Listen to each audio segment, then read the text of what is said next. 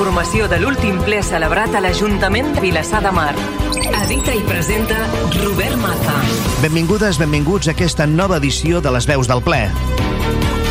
Ahir dijous es va celebrar el ple municipal corresponent al mes de març. Va ser retransmès en directe per aquesta emissora. La sessió es va allargar durant unes dues hores i quart i va servir per aprovar, entre altres punts, el conveni de col·laboració amb el Consell Comarcal del Maresme per la gestió del servei d'acollida, l'expedient per la redacció del reglament del Consell, de la Vila i dels Consells sectorials i territorials i la moció de tots els grups municipals i dels dos regidors no adscrits per promoure una veritable educació inclusiva a les etapes d'educació infantil, primària i secundària.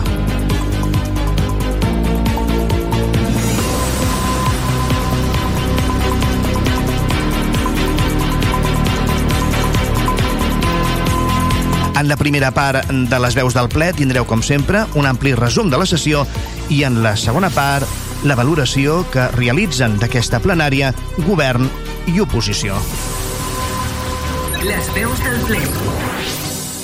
El resum. Entrem directament en matèria. En el segon punt es va donar compte de la renúncia dels regidors Juan Díaz Delgado i Javier Cointe Mieles a formar part del grup municipal de Ciutadans. Un cop oficialitzada la renúncia, tots dos van actuar ja com a regidors no escrits durant la sessió plenària. Pel que fa al tercer punt, es va aprovar amb els vots a favor d'Esquerra Republicana de Catalunya, Gent per Vilassar de Mar i Junts Vilassar de Mar i l'abstenció dels dos regidors no escrits, Juan Díaz i Javier Cointe, PSC i Vavor, la modificació de les bases d'execució del pressupost de l'exercici 2023 en l'article 25è, tramitació d'aportacions i subvencions, en concret en l'apartat 14, referent a subvencions nominatives i en el subapartat que fa referència a foment esport. Segons va explicar el regidor d'Hisenda, Josep Soler, la modificació era necessària per poder incloure l'associació de judo i disciplines associades en aquestes subvencions, donat que l'esmentada associació s'ha vist obligada a abandonar les sales de l'Ateneu on desenvolupa les seves activitats per les obres que s'hi duen a terme i, en conseqüència, a pagar el lloguer d'un local per continuar amb elles. La subvenció assignada a aquesta associació ascendeix a 15.000 euros, segons va informar Soler, de manera que el total de subvencions nominatives pel 2023 passa del valor inicial d'1.126.397 euros a un valor final d'1.141.397 euros. Juan Díaz, en representació pròpia i en la de Javier Cointe, va justificar la seva abstenció per discrepàncies amb el criteri amb el qual el govern atorga les subvencions. Va dir que la manera d'enfocar les subvencions que té aquest govern no és del tot satisfactòria i que la veu molt conjuntural. Va manifestar que en aquest cas depèn de les necessitats, que entén que hi són, va dir, i no d'un criteri com hauria de ser. Va subratllar que de manera general no estan d'acord amb la política de subvencions que té el govern i va recordar que fa temps que estan reclamant un reglament de subvencions. El portaveu del PSC, Quico Zamora, va considerar que aquesta associació té dret a aquesta subvenció perquè ha hagut de sortir de l'Ateneu i va afegir que des del PSC van demanar documentació sobre l'activitat que fa per saber si es correspon amb aquests 15.000 euros i no se'ls hi ha donat. Van demanar que consti la protesta per la manca d'informació, tot insistint a reclamar aquesta informació. Vavor, en veu de Júlia Soriol, va incidir en la manca d'informació i en la necessitat d'atorgar subvencions amb publicitat i criteris objectius. Soriol va manifestar que falta transparència i la millor solució en aquest cas hauria estat oferir-los un equipament municipal perquè desenvolupin la seva activitat. També va insistir en la manca d'informació sobre l'entitat Laura Martínez, portaveu de Junts Vilassar de Mar. Martínez va argumentar el vot a favor amb l'aposta que el seu grup fa per l'esport i va retreure al govern que no hagués previst aquesta circumstància amb antelació, ja que, va dir, és l'Ajuntament qui fa la reforma de l'Ateneu i ho havia d'haver previst. En el quart punt es va aprovar per unanimitat el conveni de col·laboració entre el Consell Comarcal del Maresme i l'Ajuntament per la gestió del servei d'acollida per l'any 2023.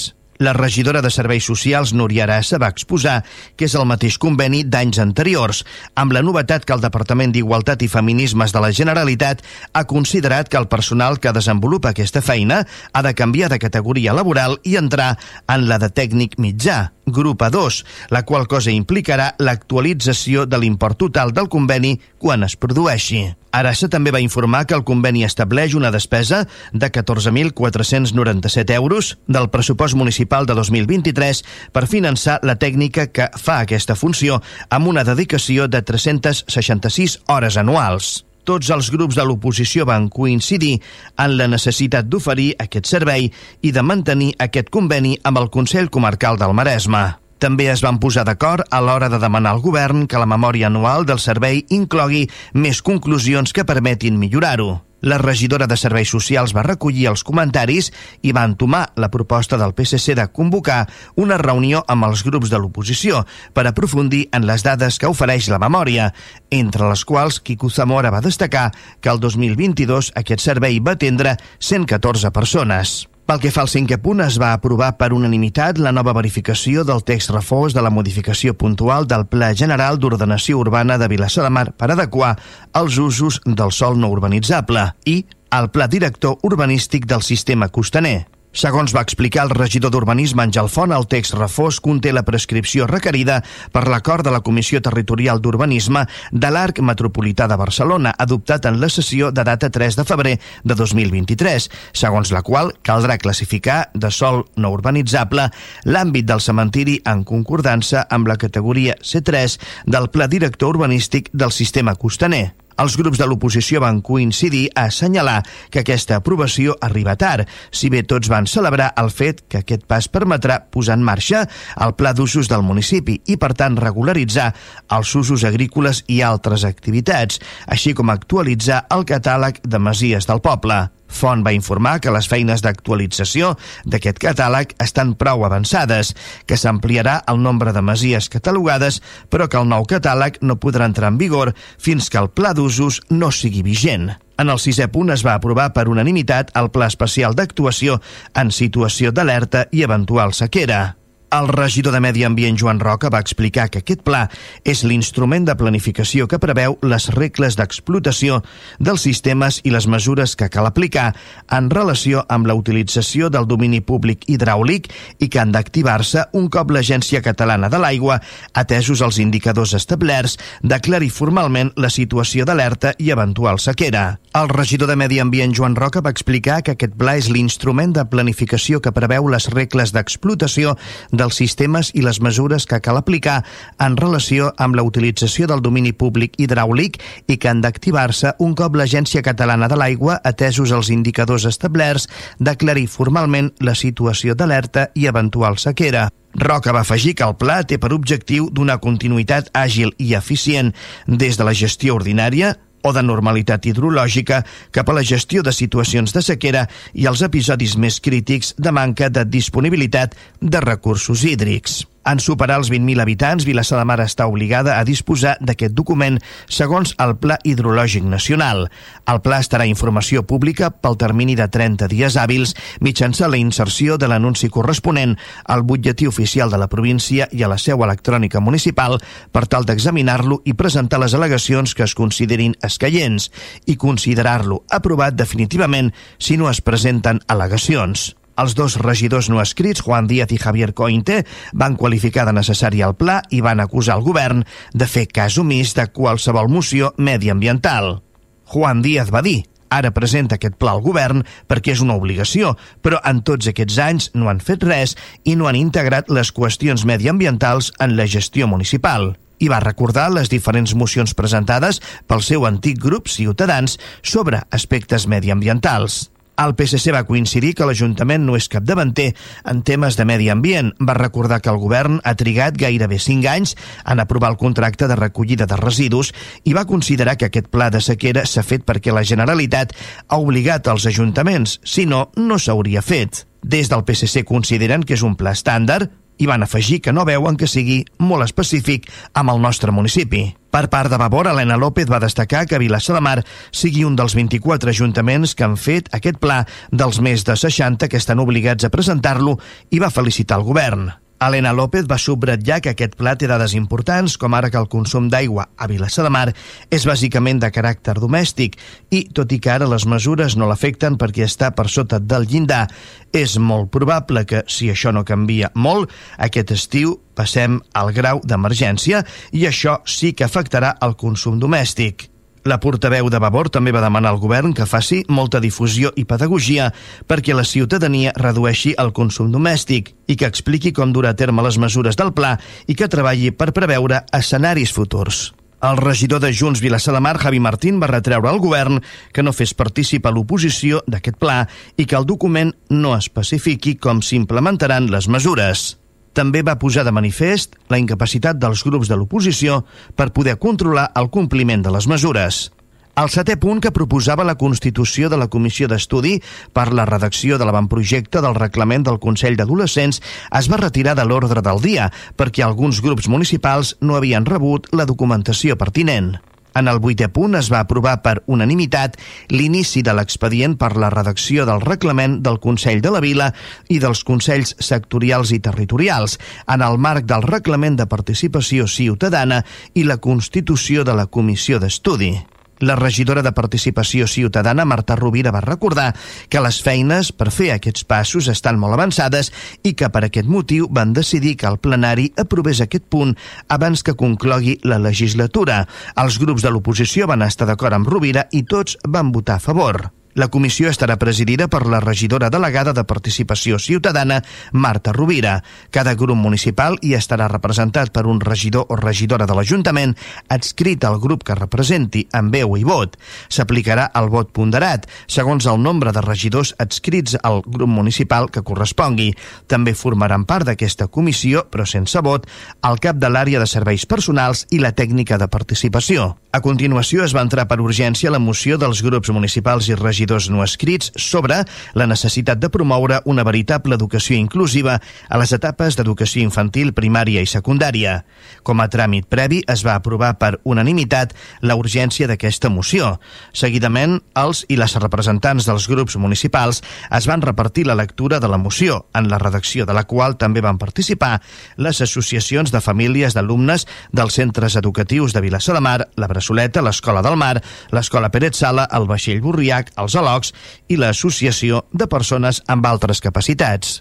La moció demana, entre altres qüestions, que s'incorpori l'educació inclusiva com una prioritat del Departament d'Educació de la Generalitat de Catalunya, que s'estableixin les mesures necessàries pel desplegament efectiu del Decret d'Educació Inclusiva aprovat el 2017, que s'actui amb transparència i es faci pública la despesa destinada al desplegament del Decret d'Educació Inclusiva mitjançant la publicació dels pressupostos amb el detall dels conceptes, que s'estableixin mecanismes per detectar i denunciar mancants mancances en l'aplicació de les mesures destinades a desplegar el decret d'educació inclusiva i que es redueixin i s'agilitzin els processos burocràtics als quals s'han de sotmetre les famílies pel reconeixement de les necessitats específiques de suport educatiu dels seus fills, filles i menors a càrrec, així com per obtenir els recursos necessaris perquè aquests infants i joves puguin gaudir del seu dret a l'educació en condicions d'igualtat i de no discriminació.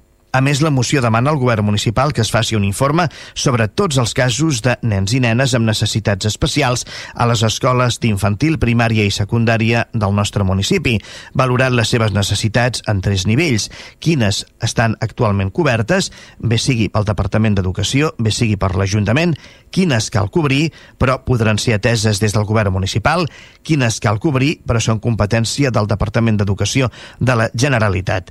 En aquest darrer cas, s'insta el govern municipal a que traslladi aquestes necessitats específiques al Departament d'Educació de la Generalitat. L'ordre del dia es va tancar amb el desè punt, el de pregs i preguntes. Els regidors no adscrits no van fer cap pregunta. Per part del PSC, Manel Balaguer va preguntar si l'Ajuntament fa revisions de final d'obra, ja que al carrer Santa Coloma, entre Enric Granados i la carretera d'Argentona, un cotxe devia fer caure un senyal de trànsit recentment col·locat en un lloc que, segons Balaguer, no era l'adient. El regidor d'Urbanisme, Àngel Font, va agrair la informació i va manifestar la seva total confiança en la persona responsable de fer aquesta feina de control. Per la seva banda, Quico Zamora va fer dos pregs. En el primer va demanar si hi havia resposta de la Comissió Antifrau sobre l'auditoria de la Societat Anònima Municipal. En el segon va preguntar què se n'ha fet de l'esmena que el seu grup va presentar per corregir l'ordenança de vehicles i vianants. Font va respondre que el govern encara no té resposta de la Comissió Antifrau i es va comprometre a recabar informació sobre l'esmena. A banda de preguntar pel Consell d'Agricultura, Vavor va voler expressar el seu malestar per l'ús partidista i electoralista, va dir, dels mitjans de comunicació municipals que fa el govern.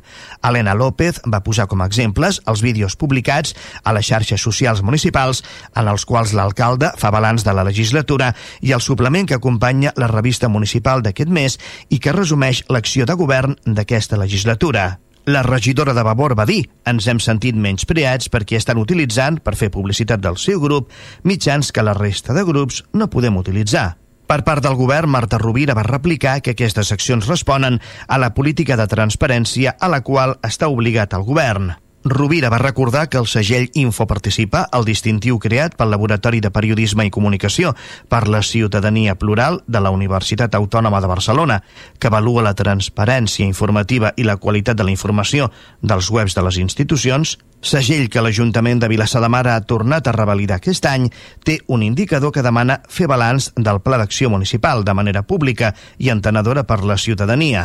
Va afegir que en compliment de la transparència han fet arribar l'acció municipal a la ciutadania i que cadascú, va dir Rovira, la valori com li sembli aquesta acció. Laura Martínez, per part de Junts Vilassa de Mar, es va sumar a la protesta per les, va dir, 16 pàgines de propaganda electoral que ha fet el govern i que hem pagat entre tots. Martínez va manifestar, dir que això correspon a un tema de transparència. Transparència és que tots podem dir la nostra, o que ens donin l'import de què ha costat això perquè puguem dir què en pensem de l'acció de govern, perquè potser això sí que seria una mica de transparència. Va afegir Laura Martínez, abans de demanar al govern amb quina partida s'ha pagat aquest, va dir, pamflet electoral. Per part del govern, Marta Rovira va insistir que és un deure del govern explicar què ha fet en aquests quatre anys i va manifestar no accepto que allò que és la feina de les institucions es converteixi en electoral. Estem obligats a fer-ho. La gent pot jutjar per si mateixa i espero que el pròxim govern faci la mateixa feina. Martínez va concloure la seva intervenció preguntant pel vidre trencat fa anys de la façana de la biblioteca i quina partida té previst el govern fer servir per comprar el mobiliari de les oficines de serveis socials situades a l'edifici del Mercat Municipal. La regidora Núria Arassa va respondre que per les noves oficines aprofitaran part del mobiliari que hi ha a les oficines de l'Escola Nàutica i que, més, estan estudiant de quina manera adquiriran la resta. El ple va concloure amb la intervenció d'una ciutadana que va preguntar pel canvi de sentit en la circulació que s'ha produït a Via Octaviana amb Santa Eulàlia, tot queixant-se de les molèsties que ocasiona als veïns que hi viuen o tenen garatge. El regidor d'Urbanisme, Àngel Font, va manifestar som conscients d'aquesta incomoditat i ens sap greu, però no hem tingut una altra opció. Hem prioritzat la seguretat dels nens de les escoles que hi ha en aquest punt, a l'Ox i Escola del Mar. Les reaccions. Seguidament, la valoració de la plenària per part de govern i oposició. Comencem pel govern.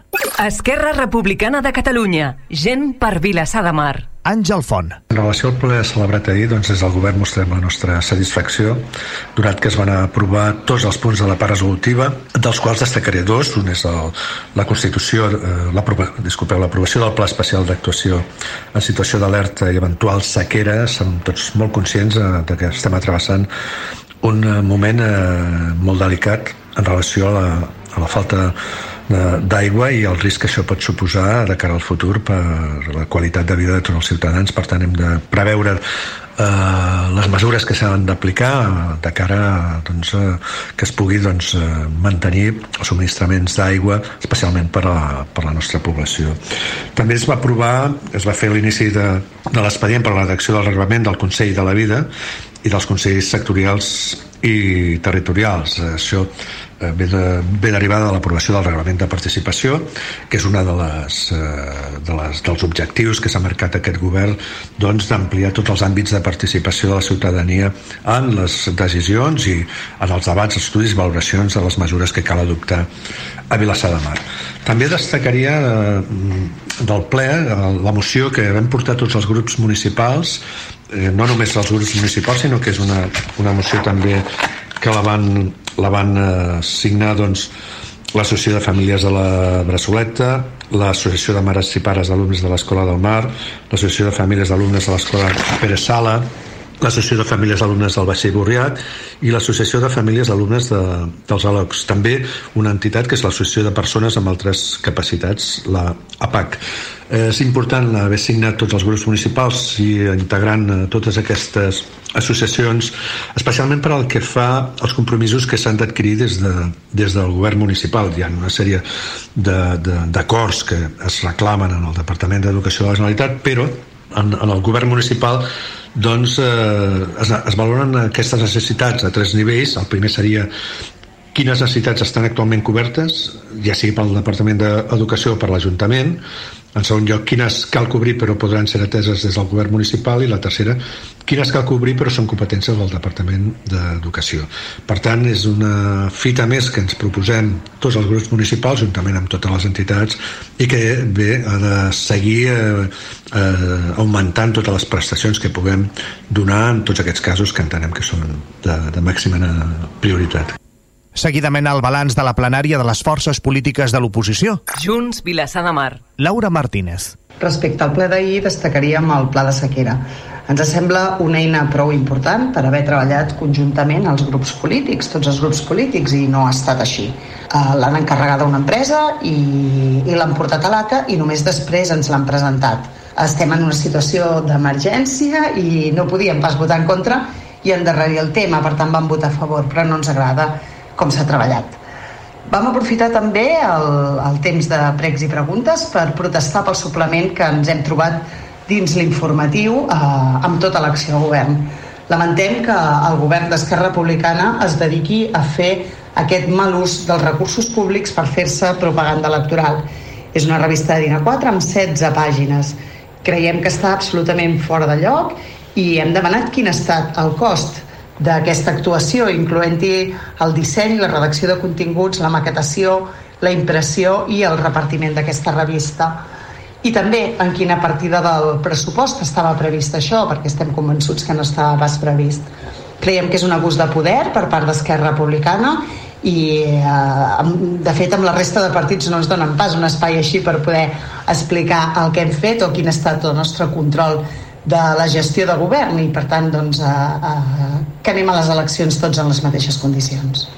Vavor. Tamara Mateos. Des de Vavor, del ple d'ahir ens agradaria destacar els següents temes. En primer lloc, es va aprovar la modificació de les bases d'execució del pressupost per incloure una subvenció a una entitat esportiva. Des de Vavor hi vam votar a favor perquè entenem que donada la situació era necessari per poder seguir mantenint l'activitat, però ja hem dit en nombroses vegades que el sistema de repartiment de subvencions hauria de regir-se per una regulació basada en la publicitat i la lliure concurrència, sota criteris objectius i deixar d'utilitzar aquesta via excepcional de les subvencions nominatives que en aquest Ajuntament és la forma habitual. A més, entenem que la solució ordinària hagués estat poder oferir a aquesta entitat un equipament municipal per fer les seves activitats, a les mateixes condicions que ho fan altres entitats esportives del municipi. També vam votar una nova aprovació del text reforç dels usos del sol no urbanitzable. Esperem que amb aquesta aprovació d'una vegada per totes el pla d'usos entri en vigor, després de 8 anys de tramitació, i volem tornar a insistir en la convocatòria del Consell d'Agricultura i en la necessitat que el pla d'usos no quedi en un calaix. En quant a l'aprovació del pla d'emergència per sequera, des de Vavor valorem molt positivament que l'Ajuntament de Vilassar de Mar compti amb aquest pla, però creiem que cal seguir treballant i implementant les mesures per tal d'estar previnguts per escenaris més durs que probablement arribaran. En l'últim punt del ple es va presentar conjuntament la moció proposada per les AFAS sobre la necessitat de promoure una veritable educació inclusiva a les etapes d'educació infantil, primària i secundària i d'exigir al Departament d'Educació de la Generalitat que incorpori l'educació inclusiva com una prioritat de l'agenda política i que s'estableixin les mesures necessàries per al desplegament efectiu del decret d'educació inclusiva aprovat l'any 2017. Agraïm a les famílies que ens hagin fet arribar aquesta moció i estem totalment d'acord que cal donar prioritat a aquest tema i fer també tot el possible des dels ajuntaments. Finalment, destacar una queixa que van verbalitzar en el torn de pregs i preguntes per denunciar que el govern municipal ha aprofitat l'enviament del butlletí del mes de març per adjuntar un, pam un pamflet publicitari de la seva tasca de govern pagat amb recursos públics. En resposta a aquesta queixa, la regidora de Participació va explicar que la intenció era la transparència i la rendició de comptes. Des de Labor entenem que la rendició de comptes s'ha de fer dia a dia a la institució revolució i al carrer. I ens sembla una presa de pèl que dos mesos de les eleccions es faci un pamflet així i a sobre se'ns vulgui convèncer de que això és transparència. Esperem que la resta de precampanya i campanya el govern sigui més curós i es faci una gestió menys partidista dels diners dels vilassarencs i les vilassarenques. Partit dels Socialistes de Catalunya. Quico Zamora. Del ple celebrat ahir destacaríem la moció presentada per les associacions de famílies d'alumnes dels centres educatius de Vilassar de Mar que han presentat els grups municipals en defensa de l'educació inclusiva en les etapes d'educació infantil, primària, secundària i secundària. El passat 17 d'octubre del 2017, eh, la Generalitat va aprovar el decret d'educació inclusiva, però Junts i Esquerra Republicana ho van deixar en un calaix i encara avui no s'ha desplegat.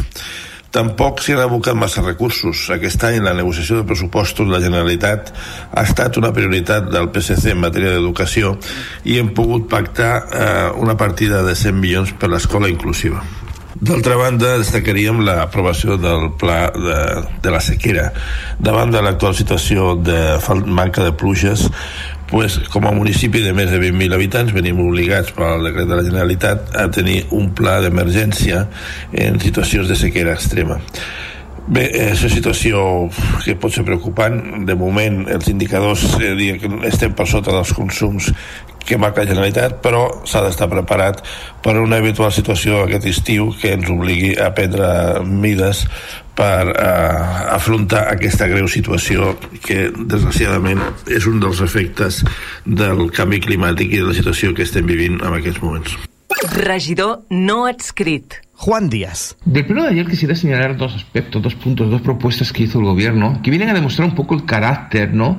que ha tenido este gobierno, ¿no? cómo, cómo se ha comportado. ¿no? Uno es el, el, la, la, la, última modificación del plan de usos, ya como um, aprobación de, para su aprobación definitiva, este plan de usos fue presentado a los grupos municipales en 2015-2016, es decir, el gobierno ha necesitado dos legislaturas para aprobar una modificación puntual de un, del plan de ordenación urbana. Dos legislaturas, eso demuestra un poco la indolencia, la falta de impulso, la falta de acción de gobierno ¿no? que ha tenido eh, el gobierno de, de Esquerra Republicana de Cataluña, ¿no? Esa indolencia, esa, esa, esa dejar que las cosas vayan haciéndose, ¿no? Sin, sin poner ganas, sin poner el interés necesario, ¿no? Por otro lado, nos presentan un plan de sequera, ¿no? Un plan de sequía para la sequía, ¿no? Para afrontar la situación de sequía que vivimos en Cataluña, concretamente en Vilasar de Mar, ¿no?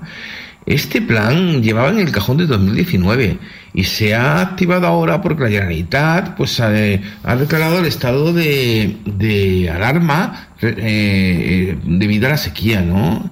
Y, ya está, es lo de siempre, ¿no? Hemos tenido un gobierno que, que, ha gobernado de espaldas a al cambio climático, sin ninguna acción medioambiental, que, sea, que incluso ha sustituido eh, zonas, parterres vegetales por cemento pintado de color verde, y eso lo ha llamado acción, acción climática.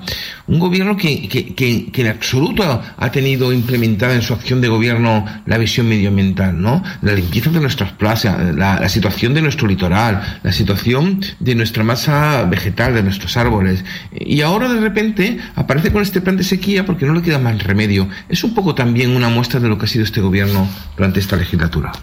Regidor no adscrit. Javier Cointe. Como más destacable en el pleno que celebramos ayer, quiero señalar el pase a concejales no adscritos de Juan Díaz y yo mismo con la consiguiente desaparición del Grupo Municipal de Ciudadanos. También la aprobación por unanimidad del Pleno eh, de la moción presentada por distintas asociaciones de padres de Vilasar de Mar para promover la educación inclusiva en las etapas de educación infantil, primaria y secundaria. Muy destacable también la crítica unánime de toda la oposición al suplemento enviado con la revista municipal en lo que consideramos un ejercicio de campaña electoral financiado con el dinero de todos los vecinos de Vilasar. A destacar la respuesta del Gobierno indicando que es un ejercicio de transparencia. Transparencia que los grupos de la oposición hubiéramos agradecido durante la legislatura, no conociendo decisiones tomadas a través de la prensa. Les veus del ple. Tota la informació de l'última sessió plenària. Hem arribat a la fi d'aquesta nova edició de les veus del ple, l'espai dels serveis informatius de Vilassar Ràdio que us acompanya periòdicament amb tota la informació de les sessions plenàries que se celebren a l'Ajuntament de Vilassar de Mar.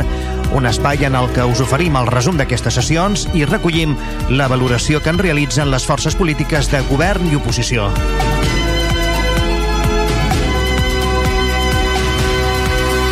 Recordeu que podeu tornar de nou a sentir les veus del ple i les sessions plenàries si entreu al web de Vilassar Ràdio que té com a adreça vilassarradio.cat i aneu a la pestanya Ràdio a la Carta.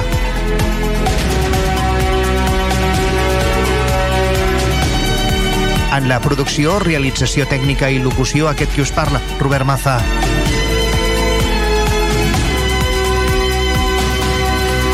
Moltíssimes gràcies per acompanyar-nos un dia més. Us esperem la propera edició de Les Veus del Ple. Les veus del ple, un espai dels serveis informatius de Vilassar